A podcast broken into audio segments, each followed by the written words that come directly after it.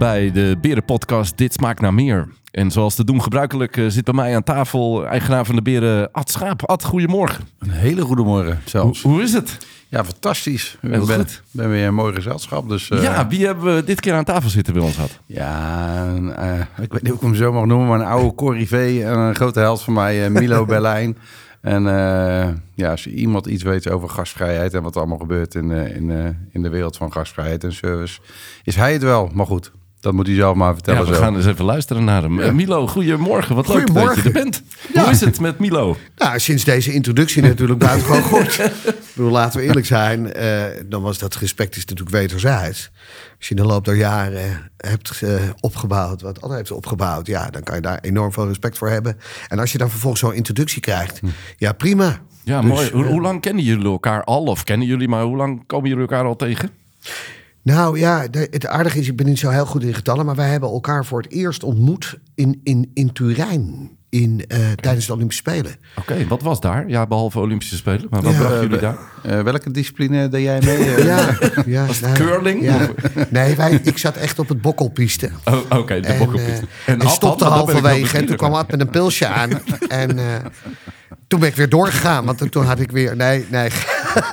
nee, die was daar met een wederzijdse eh, maat van ons. En ja, toen hebben we elkaar voor het eerst ontmoet. En s'avonds, wel aardig, daar was, een, daar was een ijsbaan. En boven die ijsbaan hadden we een restaurant gebouwd. En daar hebben we met elkaar toen eh, gezeten en voor het eerst contact gemaakt. Ja, voor mij hebben we zelfs nog eh, de Polonaise gelopen met eh, prins Willem-Alexander eh, destijds, ja. Dat zou, het zou niks vreemd zijn. Nee, nee, nee. Dat Let- letterlijk, letterlijk de Polonaise Ja, gelopen, ja. ja. Zijn daar nog beelden van, maar die geven we niet vrij. Nee, nee, die kun je wel dat opvragen nog. Dat mag niet vanwege het Koningshuis. Dat, En zijn jullie elkaar daar in de jaren daarna nog wel eens tegengekomen in bepaalde omgevingen? Nou, Milo heeft wat trainingen bij ons gedaan eh, over gastvrijheid. En, ehm, en de loop der jaren ben ik hem natuurlijk eigenlijk alleen nog maar op social media tegengekomen. En eh, zijn theatershows zag ik dan voorbij komen. En, eh, en elke keer eh, riep ik tegen mijn mensen... moet ik Milo weer eens een keer vragen of hij eh, tijd heeft voor ons om... eh, om, eh, om zijn verhaal te doen, want dat kan hij als geen ander op een hele leuke, ludieke manier, maar toch wel de kern rakend eh, over hoe het is om in de horeca te werken. Überhaupt om een servicegericht beroep te hebben. Ja, en hoe, hoe is dat, Milo, om een servicegericht beroep te hebben in deze tijd? Ja, dat is natuurlijk zalen. Waarom? Nou ja, omdat na twee jaar eh onsamenhorigheid, laten we het zo maar even noemen, mensen enorm behoefte hebben aan samenhorigheid. Warmte, gezelligheid. Nou ja, daar staat deze branche natuurlijk optimaal voor. Dus ik floreer in deze tijd wel. Ja, ben, je- En- ben je lekker druk weer? Ik eh, heb het stervensdruk. En, en laten we heel eerlijk zijn, eh, er zijn nog wel twee dingen die doorkruisen. Dat is natuurlijk een ongelofelijke ellende die op dit moment in de Oekraïne speelt. Laat daar geen misstand over bestaan. Dat heeft echt invloed. Eh, en misschien niet helemaal bij mezelf, maar als ik dan in mijn omgeving zie, hè, in mijn straat, daar zijn kinderen, zijn daar allemaal vlaggen aan het tekenen. En dan denk ik, jeetje, wat indrukwekkend allemaal, omdat het wel invloed heeft ook op kinderen. Wat gebeurt hier dan? Eh, B, zie je nog wel overigens dat het aantal besmettingen nog steeds hoog is. Dus met name theaters en dat soort zaken. Dat is allemaal best nog wel een beetje lastig. Maar voor de rest, ja. Het enige wat, het nadeel wat ik heb. Ik moet weer enorm wennen aan dat ritme. Holy, wat is dat lastig zeg. Werken. Ja. nou man, om half acht 's ochtends wakker. Of om half zeven en in zijn auto zitten en tot s'avonds laat. Ja, want dit is ook een vroeg tijdstip. En jullie komen beide uit Alkmaar. Ja, ja. Ja, dan eh, zijn jullie vroeg opgestaan. Ja, en het is vrijdag. En het is Ja, vrijdag. Ja, en in ja. Rotterdam. Ja, het is een Het unieke is, combinatie. Het zijn allemaal ellendige. het, is, het, is, laten we zeggen, het is een ellendige pre-boarding. maar de onboarding was er net buitengewoon prettig. Gelukkig. Ja. Wat zijn inderdaad, hè, je noemt nu, net een paar thema's. Maar wat zijn thema's, Milo, in deze tijd waarvan je denkt... da- daar zouden wij ook als organisatie bij de Beren... eens extra aandacht voor moeten hebben? Nou, kijk, volgens mij delen we dat wel een beetje. Kijk, het aardige van het verhaal is, ik heb, ik heb de organisatie natuurlijk enorm gevolgd. Eh, ben erg onder de indruk wat er gebeurt. Alleen eh, in bepaalde periodes veranderen dingen. En een van de dingen die ik in, in algemene zin bijvoorbeeld op horeca heb, is dat we het wel heel erg moeilijk maken. Hè, toen ik begon in dit vak, eh, ja, kom maar eens een keer werken. En dan stond er iemand die stond, begeleidde mij. En na vijf dagen werd er gevraagd, vind je het leuk of niet? Maar horeca mensen moeten tegenwoordig heel veel hè, van tevoren, voordat je werkt. module 1, module 2, diner 1, diner 2, speciaal bieren 1, 2 en 3, rode wijn, witte wijn hè, en de huiswijnen. En voor, voordat we überhaupt maar een dag hebben gewerkt. En als je dan ziet dat, dat de concurrentie om je heen omdoept en dat je gewoon bij, in dit geval een supermarkt, krijg je een kar en zet het er maar in. Als je gaat werken met een rugzak op je rug en hamburgers weg, je klokt in, uh, je brengt een paar hamburgers weg op het adres waar dat hoort, met je eigen muziek in en vervolgens klok je weer uit. De simpelheid en het gemak, uh, ja, dat hebben we in heel veel, op heel veel plekken echt wel een stuk lastiger gemaakt. En dan zeg ik even ook, ook, ook naar, naar, naar jullie toe. Weet je, maak mensen enthousiast. En dat, wordt dat, dat, dat doe je door, door, door mensen aandacht te geven. Dat is de belangrijkste factor. En niet zozeer door te investeren in... dat komt later wel als iemand het leuk vindt. En dan gaat het ook veel makkelijker. Herken je ja. dat? Uh, ja, dat is precies waar we tegenaan lopen de laatste tijd. En waar ik ook echt een beetje tegenaan aan het schoppen ben. Is voordat mensen bij ons uh, werken, dan moeten ze weten hoe alle systemen werken. Ja. En de iPod. En uh, aan tafel moeten ze met de hoofd naar beneden niet de gast aankijkend zeggen... wat willen u drinken? In plaats van hey, hele leuke middag dat u er bent. En ja. ik ben in dit geval Hans. Ja. En uh, kan ik uw bestelling opnemen? Ja. Ja. Ja, ja nee, maar dan staan ze met de, de, oogjes naar beneden. staan ze aan tafel om te kijken hoe de iPod werkt. Ja, en dat, dat proberen wij wel weer te veranderen. Daar zijn we wel heel hard mee bezig de laatste maanden. En ja, daar moeten we wel het verschil in maken. Mm -hmm. Gewoon plezier in je werk. We blijven uiteindelijk horeca, toch? Het moet gelachen worden. Nou ja, dat. En volgens mij bestaat het enorm uit spontaniteit. Hè? Ik vertelde het ook wel eens in mijn training... dat ik kwam een keer een meisje tegen bij een receptie... en die vroeg, Wil, wilt u een hapje, meneer? En, en, en ik, ik zeg, ja, graag, wat is dat? En dat meisje klapte volledig dicht. Je zag er echt kijken, geen idee... Maar na enige aarzeling gaf ze het enige goede antwoord. Dus ik zei, wat is dat? En toen zei ze, lekker. en, ik denk, nou toch even kijken hoe goed ze is. Dus ik wees een ander hapje aan. Ik zeg, en dat? Heel lekker. en normaal heb je geprogrammeerde mensen die het weten... die dan vervolgens in staccato vertellen wat het is. Daar zit geen... Weet je, je wilt, er mogen fouten gemaakt worden. Zeker. En, en nogmaals, dat is wat ik op de horeca... en dat komt ook omdat ik inmiddels 56 ben. Kijk, ik ben in een tijd begonnen... dan ging je naar een gast toe en dan zei je... Goh, wilt u koffie of thee? En dan zei de gast koffie. Dan liep je weg en ging je het halen. Tegenwoordig hebben we 88 soorten koffie. En we hebben inmiddels 16 soorten melk. En, en dan sta je met zo'n kansloze theedoos met 60 soorten. En dan zeggen mensen, hebben geen normale thee? Ja, je kan het enorm complex maken, maar dat gaat ten koste van datgene wat je net zei. We moeten mensen blij maken. En mensen worden niet blij van 60 soorten thee. Tenminste, even, ik word daar niet blij van. Nee, nee het aantal keuzes, uh, ja, dat, dat maakt het allemaal heel ingewikkeld. Ja. En je ziet die gast ook op een gegeven moment verveeld raken... als hij uh, voor de derde keer in, uh, in één gerecht moet kiezen... of hij zoete aardappel, dikke friet, dunne friet, ja. Gepofte aardappel, rijst...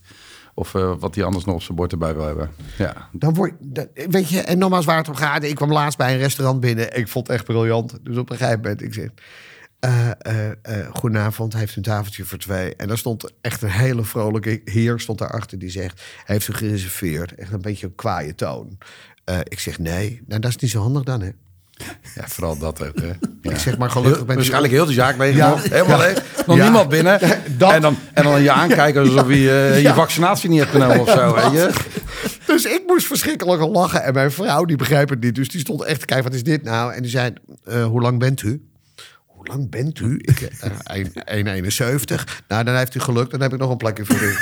Want alles boven de 1,85 is gereserveerd. Nou, dan, dan, dan, kom je toch al... Weet je, verras mensen een beetje. En, en, dan denk ik... En dat kan niet bij iedereen, hè, dus hou me te goede. En dat leer je ook als je wat ouder bent.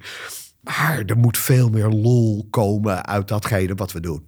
En hoe krijgen we dat in... Uh, je zegt net als je wat ouder wordt, maar hoe krijg je dat in jonge mensen, Milo? Als je er iets over kunt zeggen. Nou, dat klinkt wel raar, want ik ben daar wars van. Maar ik geloof wel heel erg dat je mensen daarin kan trainen, kan opleiden. Hè? Kijk, een van de eerste dingen die ik leerde van mijn leermeester was... Luister, als er twee mensen aan tafel zitten uh, die wijn bestellen... en er zit een kind bij en die wil een fristie...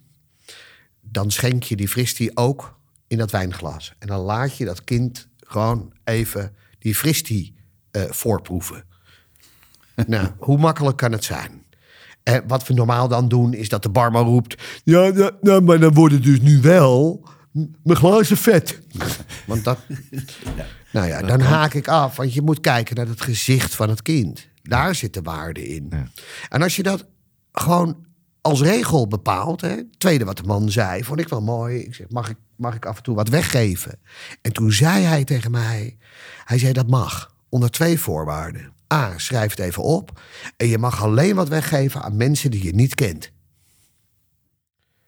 Nou, dat is, weet je, dus iedereen die ik wat gaf, die was enthousiast. Want als je dingen gaat geven aan mensen die je kent, Ja. dan is het resultaat twee weken later dat ze gaan vragen: "Wat, We krijgen hier ook nooit wat.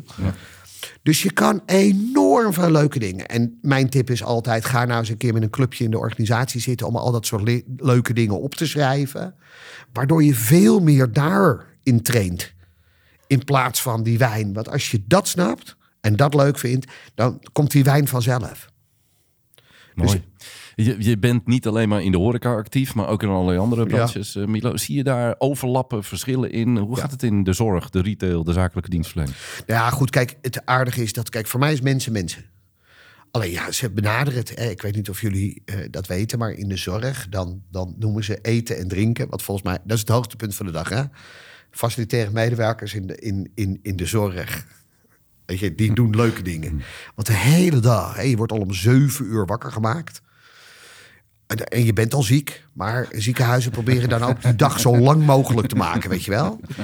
Weet je, zo van nou laten we wel proberen om, om echt die persoon zich 16 uur lang kut te laten voelen. En ook in het weekend, hè? maar dat is een heel raar concept, dus dat is één. Eh, maar goed, dan komt er eten, dat zijn echt de lichtpuntjes van de dag. Nou, dat noemen ze in, in de zorg noemen ze dat voeding en vocht. Voeding en vocht. Ja. En als je in bed eet, heet dat intramuraal. En als je daar vervolgens een kamertje gaat zitten, heet dat extramuraal. Nou, moet je je voorstellen. Denk je nou echt dat er, dat er, dat er voor jullie gasten bij de beren op vrijdagavond iemand tegen iemand zegt... Zullen wij morgen bij de beren eens even lekker extramuraal wat voeding en vocht gaan halen? Ik denk dat je, je bent al klaar. Dus je kan heel veel leren over de horeca. Waar je wel voor moet oppassen is dat heel veel bedrijven zeggen... nee, maar we moeten meer op hotels, op restaurants. Kijk, die mensen zijn ziek, hè? En wij komen, bij ons komen mensen binnen die blij zijn. Ja. Eh, dus je, je, je moet het niet in het gastpatroon zien. En je moet het niet... Maar wat wel interessant is, is dat het gedrag en houding van horecamensen... namelijk proactief, eh, altijd, altijd proberen om in, in het gedachtegoed van die patiënt te zitten... schuine streep gast, hoe je hem ook noemt... dat is wel heel interessant. Dus ik doe gewoon heel veel op dat gebied. En eh, wat het allerleukste is, en dat moet ik eerlijk zeggen... Kijk, horeca is een hele optimistische branche. Dus wij zijn heel erg van successen vieren, elkaar complimentjes geven en dat soort zaken. En elkaar aanspreken. Nou, dat kunnen ze in de zorg niet. Daar hebben ze dan kansloze trainingen voor. Hè? Feedback geven, eh, 180 graden, eh, 360 graden, feed forward. Nou ja, ik kan me niet voorstellen dat als ik bij jullie eh, aan het werk ben... Dat er, dat er een kok, dat als het luik vol staat met eten... dat een kok zegt, hallo, ik zie dat je hartstikke je best doet, hè, maar het gaat niet goed, hè? Heb jij behoefte aan wat feedback? nee, dan lopen! En dan na afloop drinken we een pils en komen we ook niet meer terug op dat voorval. Nou, en dat is in de zorg. Je kan soms in de zorg eh, en ook andere branches op onzichtbare lange tenen stappen. En dan denk je, ja, maar ik zei dat niet omdat ik je niet aardig vond. Ik zei dat omdat we het zo goed mogelijk moeten doen voor de persoon die we bedienen. Ja, mooi. Ik zie dat je, je hebt een mooie trui aan. Dat is voor de podcast een beetje ingewikkeld, maar ik moet het voorlezen. Er staat, mens erger je niet of het. Is dat het oude spelletje of heb je iets anders eh, bedacht waarom je met deze trui loopt, eh, Milo? Nou, kijk, het aardige is dat ik. Dat, volgens mij is dit de basis van ons gedrag. Kijk, dit, dit- het gaat altijd fout als we ons gaan ergeren aan mensen. Ja. Eh, en dat, dat, dat tref je alleen jezelf mee. Eh, ik bedoel, even de runners eh, van, van, van de beren weten dit. Eh, nieuwe runners zijn, zijn vaak te herkennen. hè. Die komen naar buiten en die zie je dan eh, eh, dit doen. 15, 16, 17, 18. Die zijn dan aan het tellen waar die tafels liggen. En dan komen ze aan tafel en dan zeggen ze tegen een gast... de Tour de Do. Nou, er zijn natuurlijk heel veel gasten... die gewoon na drie minuten zijn vergeten wat ze besteld hebben. Dat is over het kansloos. Dus die zeggen dan... nou, ik, ik had iets met gegrilde groenten. Nou, dan sta je daar voor lul. Daar kan je je enorm aan irriteren. hè. En wat we dan doen, is dat wij vervolgens naar achter lopen... en tegen elkaar roepen, wat een trut zeg.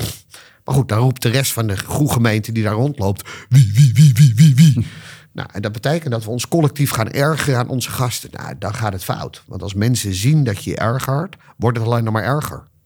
Nou, ik heb daar toevalligerwijs een eigen uh, theatershow van gemaakt. Omdat ik ook zie in het dagelijks leven dat we ons aan alles ergeren. Weet je, of het nou in het verkeer is, of we staan te wachten. of, of bij corona bijvoorbeeld, dat we naar binnen gingen kijken bij de slager. En dan twee mensen van 80 met z'n tweeën in de slager zien staan. Waarvan je denkt, waarvoor ga je nou je mag er maar met z'n vieren in. En wij doen het ook nog voor jullie, hè, oudjes. Ja, en dan denk ik, ja, dat is verspilde energie. Herken je dat, uh, Ad? dat het niet handig is om je te ergeren aan mensen ja, die niet Ja, zeker. Want daar wordt het natuurlijk niet beter van. En inderdaad gaan de medewerkers elkaar altijd opzoeken als ze een uh, lastige gast hebben, zeg maar, in hun ogen. Dus uh, ja, juist is dat de kunst om dat een beetje om te draaien. Of iemand op die tafel langs te laten lopen die daar wat beter mee om kan gaan. ik moet eerlijk zeggen dat ik daar ook niet de aangewezen persoon voor ben waarschijnlijk.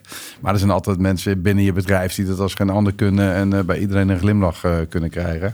Dus dan moet je daar gewoon een beetje handig in zijn, denk ik. Want, hoe ga je er zelf mee om dan? Ik ben niet de handigste daarin, Ad, maar uh, hoe erger jij je aan andere mensen? Nou, kijk, naarmate je ouder wordt, dan wordt het allemaal wel wat minder of zo. Maar ja, ja ik, ik, ik kijk, uiteindelijk ben ik ondernemer. Ik vind het heel leuk om te bouwen en met mensen te werken, mensen op mijn manier beter te maken en je bedrijf beter te maken. Maar ik ben, de, ja, ik ben niet uh, de meest servicegerichte persoon, denk ik. En uh, dat past misschien ook niet helemaal bij het ondernemerschap. Dat weet ik niet. Dus ik kan nog eens kort door de bocht zijn misschien of zo. En dat betekent niet dat ik lelijk tegen mijn gasten doe. Zeker niet. Maar ik weet nog wel, als ik vroeger wel volop meewerkte... en het eten duurde te lang aan tafel. Je, je kent dat wel. Dan gaan die mensen steeds meer om zich heen kijken. En steeds boos. En dan gaan ze het liefst vragen naar wie de baas is. En dan, voordat ik dan naar die tafel ging, dan deed ik dat altijd als het eten op tafel stond. Want als die mensen even eh, vijf minuten wat in de mond hadden... en dan, dan zie je zo die, die woede zakken. En dan ging ik netjes naar die tafel toe en dan ging ik mijn excuus aanbieden. Maar niet net voordat het eten niet gebracht was, want dan, uh, dan moet je de volle laag krijgen. Dus dan stuurde ik altijd uh, iemand die daar wat beter in was dan ik, zeg maar. Ah, het aardige van het verhaal is, we zijn, dat is wel mooi, hè? Kijk, uh, wij, wij willen dat medewerkers glimlachen... Maar we zijn tegelijkertijd ook het enige land dat als je tegen medewerkers zegt je moet glimlachen, dat we zeggen, nee, zo zit mijn gezicht nou eenmaal. Ja, zo ben ik nou eenmaal. Ja, weet je, dus met andere woorden. Terwijl als je glimlacht, heb je veel minder gezeik in je kop. Weet je, bedoel, even, dat is echt aantoonbaar. Dus mensen die altijd lachend te werk doen, die kunnen zich nooit identificeren met problemen aan tafel, want die hebben het gewoon niet. Nee. Tegelijkertijd weten we ook één ding: dat aan tafel zit er altijd één of twee dames, en met name dames, die het opnemen voor de rest. Dus op het moment dat dan vervolgens iemand naar gaat doen en die persoon glimlacht, doet ze best, dan zegt die vrouw: Doe het normaal. Houd daar nou eens mee op. Nou ja, weet je, even. En dat moet je activeren. En wij zijn veel te veel bezig met die 5% niet leuke mensen. Ja, en dat moet je gewoon, bedoel, even, dat is echt het advies sowieso in het leven. 95% van de mensen is echt leuk. Gewoon algemeen, 5% niet. Maar de kunst is dat je die 5% niet mee naar huis neemt. Of dat je je daaruit gaat ergeren, want daar gaat het fout. Want diezelfde 50% is niet alleen bij ons niet leuk, maar die is ook bij de bakken niet leuk. en als, ze, en uh, als ze bij de bank staan, uh, die bestaan volgens mij niet meer, bankkantoren. maar uh, dan zijn ze ook niet leuk. En dan zijn ook thuis niet leuk. En waarschijnlijk hebben ze ook niet een heel leuk leven thuis of zo. Zo denk ik maar. Ik heb natuurlijk vroeger supermarkten gehad. En ja, diezelfde mensen die altijd liepen te klagen in mijn supermarkt, die liepen ook bij de slager te klagen. En überhaupt zonder die wat minder leuk in het leven. Ja hoor. En die introduceren dat inmiddels. Hè. Die zitten in een vergadering bijvoorbeeld op hun werk. Die zeggen, ik zal wel weer een zeikert zijn. En dan zie je iedereen denken, ja, dat klopt. dat weten we al Ja, alleen we, dat zeggen we dan weer niet. Hey Milo, is er veel veranderd voor jou in de loop der jaren? Uh, als je het vergelijkt met vroeger en nu... Uh, uiteindelijk, de dingen die je doet zijn nog in basis hetzelfde? Of is het wel lastiger geworden om de mensen mee te krijgen? Ja, zo beleef ik het niet. Nee. Nogmaals, ik, ik geloof best dat er wel wat veranderd is. Later gemist het over bestaan. Spanningsboog van medewerkers is korter. Uh, daar waar vroeger de motivatie, dat herken je zelf waarschijnlijk gewoon echt door de hand ging. Ja, daar heeft tegenwoordig iedereen een ander motivatieknopje. En de taak voor een leidinggevende is om dat knopje te vinden. Uh, het kan geld zijn, het kan, het kan sociale status zijn. Het maakt, dus in die zin. Maar goed, ik beleef niet dat het, dat het anders is geworden. Alleen je moet er net even iets harder voor werken. Ja. wat ik wel zie, en, en, en, en nogmaals, het is een soort vicieuze cirkel. Hè? Uh, want het komt altijd weer terug, is dat, dat er stond laatst een artikel in de krant en daar zei een MBO-directeur: ja, nee, maar het gaat niet meer om kennis. Nou, dat vind ik onzin. Ik vind echt serieus dat middenkader gewoon echt moet weten waar het over gaat. Als je aan hen vraagt waar is, uh, waar is rum van gemaakt, of uh, waar is uh, Bacardi van gemaakt, dan moeten ze dat antwoord kunnen geven.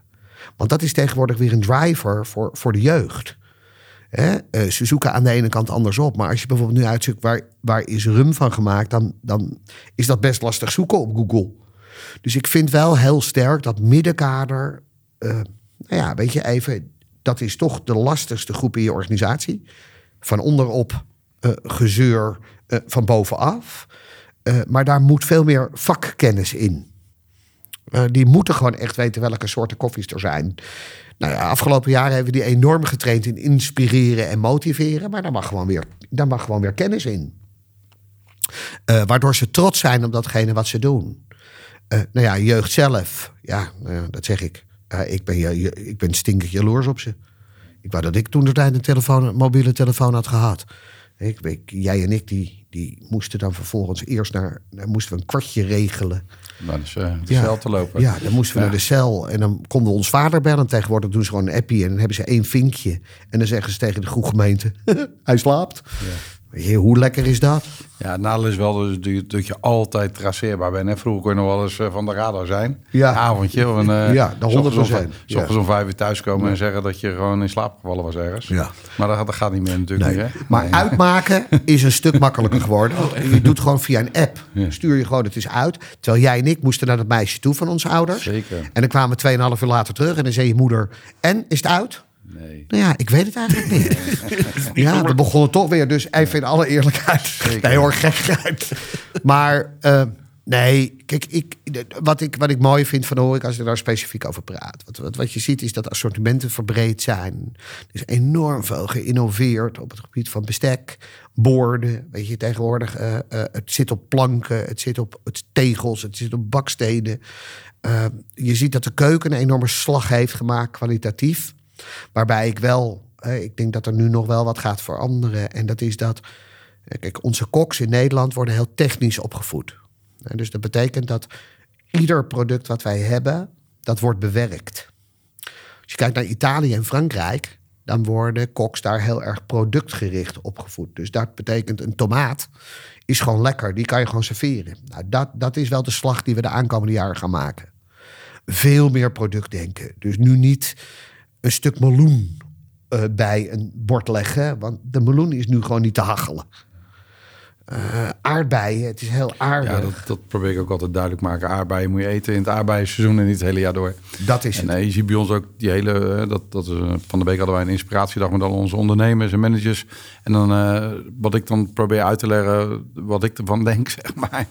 En met mijn beperkte denkvermogen is dat die hele functionaliteit van de horeca verandert. Hè? Vroeger ging je als functie naar de horeca om te eten of drinken. En, uh, en nu uh, vindt het sociale leven gewoon plaats in de horeca. Dus, dus ze komen met heel andere doelen naar jouw bedrijf toe om te verblijven. En dan moet je gewoon zorgen dat je op elk moment van de dag die gast kan bedienen. Uh, waar op dat moment zijn behoeftes liggen. En dat is niet meer met een voorhoofd en nagerecht. En uh, dus het moet allemaal wat simpeler in mijn ogen wel goed. Want ja, de, de, kwaliteit is nou helemaal omhoog gegaan. Absoluut. Als je dat vergelijkt met hoe ik begon en, uh, en hoe wat het nu is. Concurrentie wat dat betreft allemaal meegroeit. Steeds meer ketenvorming. Dus uh, en heel veel pop-up, juist kleine zaken die het super goed doen. Waar ik ook groot voorstander van ben.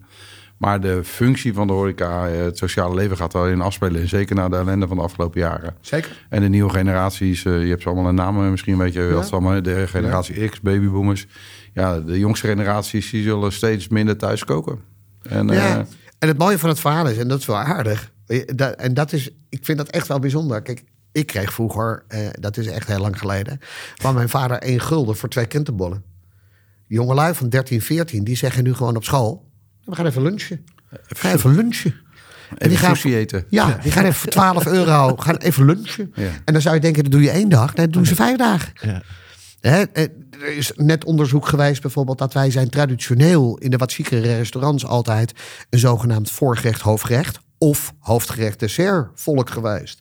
Dat werd op tafel gelegd. Doen we voorgerecht of doen we dessert? Tegenwoordig gaan we voor voorgerecht, hoofdgerecht, dessert. He, dus die sociale functie, ik ben het 100% met jou eens, die wordt alleen maar belangrijker. Ja. Betekent wel dat we meer moeten investeren in communicatieve vermogens, want we zien ook uh, dat, dat bijvoorbeeld uh, jongelui, zeg maar, telkens meer moeite krijgen om te praten. Nou, voor sociale functie moet je wel mensen hebben die in ieder geval in gesprek kunnen en met name durven gaan. Ja. En wij zijn nu bezig op het ROC uh, uh, om eens te kijken of we echte hospitality lessen kunnen geven. Daar hebben we nu een stap in gedaan. En, en dat bestaat uit bijvoorbeeld telefoneren. Dat bestaat bijvoorbeeld dat je de stad in gaat en dat je gewoon mensen gedag gaat zeggen. Het was ook heel bijzonder dat de afgelopen jaren, zowel niet op LBO of MBO of HBO-niveau, er les wordt gegeven in hospitality. Ja, of überhaupt communicatie. Ja. Ja, dat is, ja, door inderdaad uh, de media, sociale media, kunnen ze niet meer communiceren, durven niet meer aan tafel iemand aan te spreken. Nee. En uh, ja, dat en is komt, wel lastig. Er komt iets aan, ik weet niet of jullie dat weten, maar Gorilla, ik weet niet of jullie dat ja, kennen. Ja, ja. Nou ja, dat is wel mooi. Uh, er is net onderzoek gedaan naar wie nou de gebruikers van Gorilla zijn. Jonge mensen. Ja, en nou is het echt heel bijzonder. Dat zijn ook heel veel mensen die boven de supermarkt wonen. Ja. Maar gewoon geen zin hebben om naar beneden te lopen. Ja, nee, ja, dus die, die, die, die zitten achter hun computer en die zitten in hun onderbroek. En dan vervolgens, en dat is benauwend, dat vind ik benauwend. Dan vervolgens dan wordt, gaat de deurbel. Dan doen ze in hun onderbroek doen ze, doen ze open. Maar nemen dan een pak koffie of wc-papier, wat het ook is. Kratje bier. Uh, ja, kratje bier aan zonder oogcontact te maken. zeg niet eens bedankt. Want nogmaals, even, dit, is toch gewoon jouw werk. Dus nou, daar moeten we de aankomende jaren enorm veel uh, in gaan investeren. Ja, mooi zeg. Zie je, een, uh, zie je daar bij ons ook nog een kans, uh, Ad, als je dit hoort zo wat Milo voorhoudt? Ja, zeker uiteindelijk vinden die mensen, hè, want er zijn ook mensen uitgestroomd naar de, de zogenaamde GGG-teststraat en zeggen ze dan. Maar uiteindelijk is het natuurlijk geen reet aan om in, uh, daar in zo'n oranje pak uh, te staan. Of uh, tussen al die mensen en die oudjes en door je kwartier er moet staan. Dat vind je denk ik even leuk. Ja. En ik denk, kijk, die jeugd heeft denk ik ook geen geld nodig gehad de afgelopen twee jaar, omdat ze niks konden doen. En nu alle festivalletjes weer, weer, weer open. En dus mensen hebben ook weer geld nodig. De jeugd heeft weer geld nodig. En ik denk dat die sociale contacten, dat ze dat dan toch wel weer ook binnen de horeca gaan zoeken. En uh, we hadden het er net al even over dat het uh, kostenpatroon van de ouders ook omhoog gaat met de energierekening. Uh, jullie komen allebei Alkmaar. Ik ben blij dat jullie tankbonnetje niet hoeven te betalen vanochtend naar Rotterdam. En ja, toch wel een leeglopen. Ja. een zaak moeten sluiten. Ja. En uh, dus dat betekent dat het uh, besteedbaar vermogen of uh, inkomen van die, van die ouders misschien ook wel een beetje onder druk. Dus als ze tegen die jongen lui zeggen, hey, ga jij ook maar gewoon dus vroeger gewoon werken voor je centjes. Ja. En, ehm, ja, dus, en dan blijft horeca denk ik toch gewoon een heel leuk beroep om, om te werken. In plaats van dat je iemand moet opvangen omdat hij niet tegen een vaccinatiespuit in zijn arm kan. Ja, mooi. Milo, we hebben eerder in een van onze podcasts ook Herman den Blijk te gast gehad. Die is ook een, uh, geen onbekende voor jou. Uh, en uh, hij zei ook in deze toonaarde zoiets. Ja. we moeten dat vak weer mooi maken. Hoe kunnen we nou als horecabrand laten voelen en proeven dat dit echt zo'n mooi vak is. Zoals we hier nu aan tafel met elkaar bespreken. Wat is daarvoor nodig? Nou ja, in ieder geval niet daar allemaal over lullen. Want dat doen we allemaal. kijk, A, inmiddels als buitenstaander is het ook heel bijzonder dat die wereld enorm versplinterd is. Want KN doet een ander ding dan. dan ik bedoel even, volgens mij is het namelijk een algemeen probleem. En wat je heel vaak ziet in overleggen, is dan, dan zit je te praten met elkaar en dan zeggen er één of twee: Nee, maar dat probleem hebben we niet. Kijk, ik was van de week ergens toen ging het over personeel. En toen op een gegeven moment zei een ondernemer... nee, maar ik heb, in, uh, ik heb de afgelopen periode... heb ik uh, mijn medewerkers de stad ingestuurd... en 170 flyer, of uh, eh, 700 flyers uitgedeeld. En er zijn 170 mensen op afgekomen. Ik weet niet wat er oh. op de flyers van, maar... ja, ja, maar, ja, ja, ja. Trouwens ook wel een mooie, dat heb ik niet eens gevraagd. Maar vervolgens zei hij... en daar heb ik er net 50 van, van, van aangenomen. aangenomen. En dus ik vroeg, misschien zo onhandig als wat. En de andere 120? Want er zaten toevallig ook nog allerlei ondernemers omheen die ook problemen hadden. Kijk, het is een collectief probleem. Ja. En je kan het niet meer alleen oplossen. Je kan je wel als ondernemer of als organisatie onderscheiden dat mensen veel liever bij jou willen werken. Want daar zit de crux. Daarvoor is het zo belangrijk om te blijven investeren in het middenkader. Want even, even medewerkers werken niet voor meneer Schaap, hè? Zeker niet. Ze werken voor Marjolein. En Marjolein is degene die daar de locatie regelt. En Marjolein stuurt af en toe een cadeautje als ze jarig zijn. Nou hebben wij toevallig een mooie lijn in het kader zitten. Dus nou denkt iedereen... hoe, hoe kent Mi- hoe kent Milo- Milo Marjolein? Oh, Marjolein, maar in dit geval was het een... eh, Het, het was een shot in the toeval. dark, maar een toeval. Nee, ja, dat is natuurlijk het voordeel van ons bedrijf, omdat het inmiddels zo groot is dat eh, mensen door kunnen groeien. En, eh, Maar ik heb echt een heel mooi voorbeeld van een franchise-nemer van ons in Leerdam. Die heeft gewoon met de andere horeca in Leerdam samen hebben ze een campagne opgezet. Dus dat betekent de, de chef-kok van het andere bedrijf heeft een dagje gekookt in de, bij de beren en andersom. En samen hebben ze dat eh, geprobeerd om op deze manier Ja. eh, mensen te werven in plaats van van elkaar af te pakken.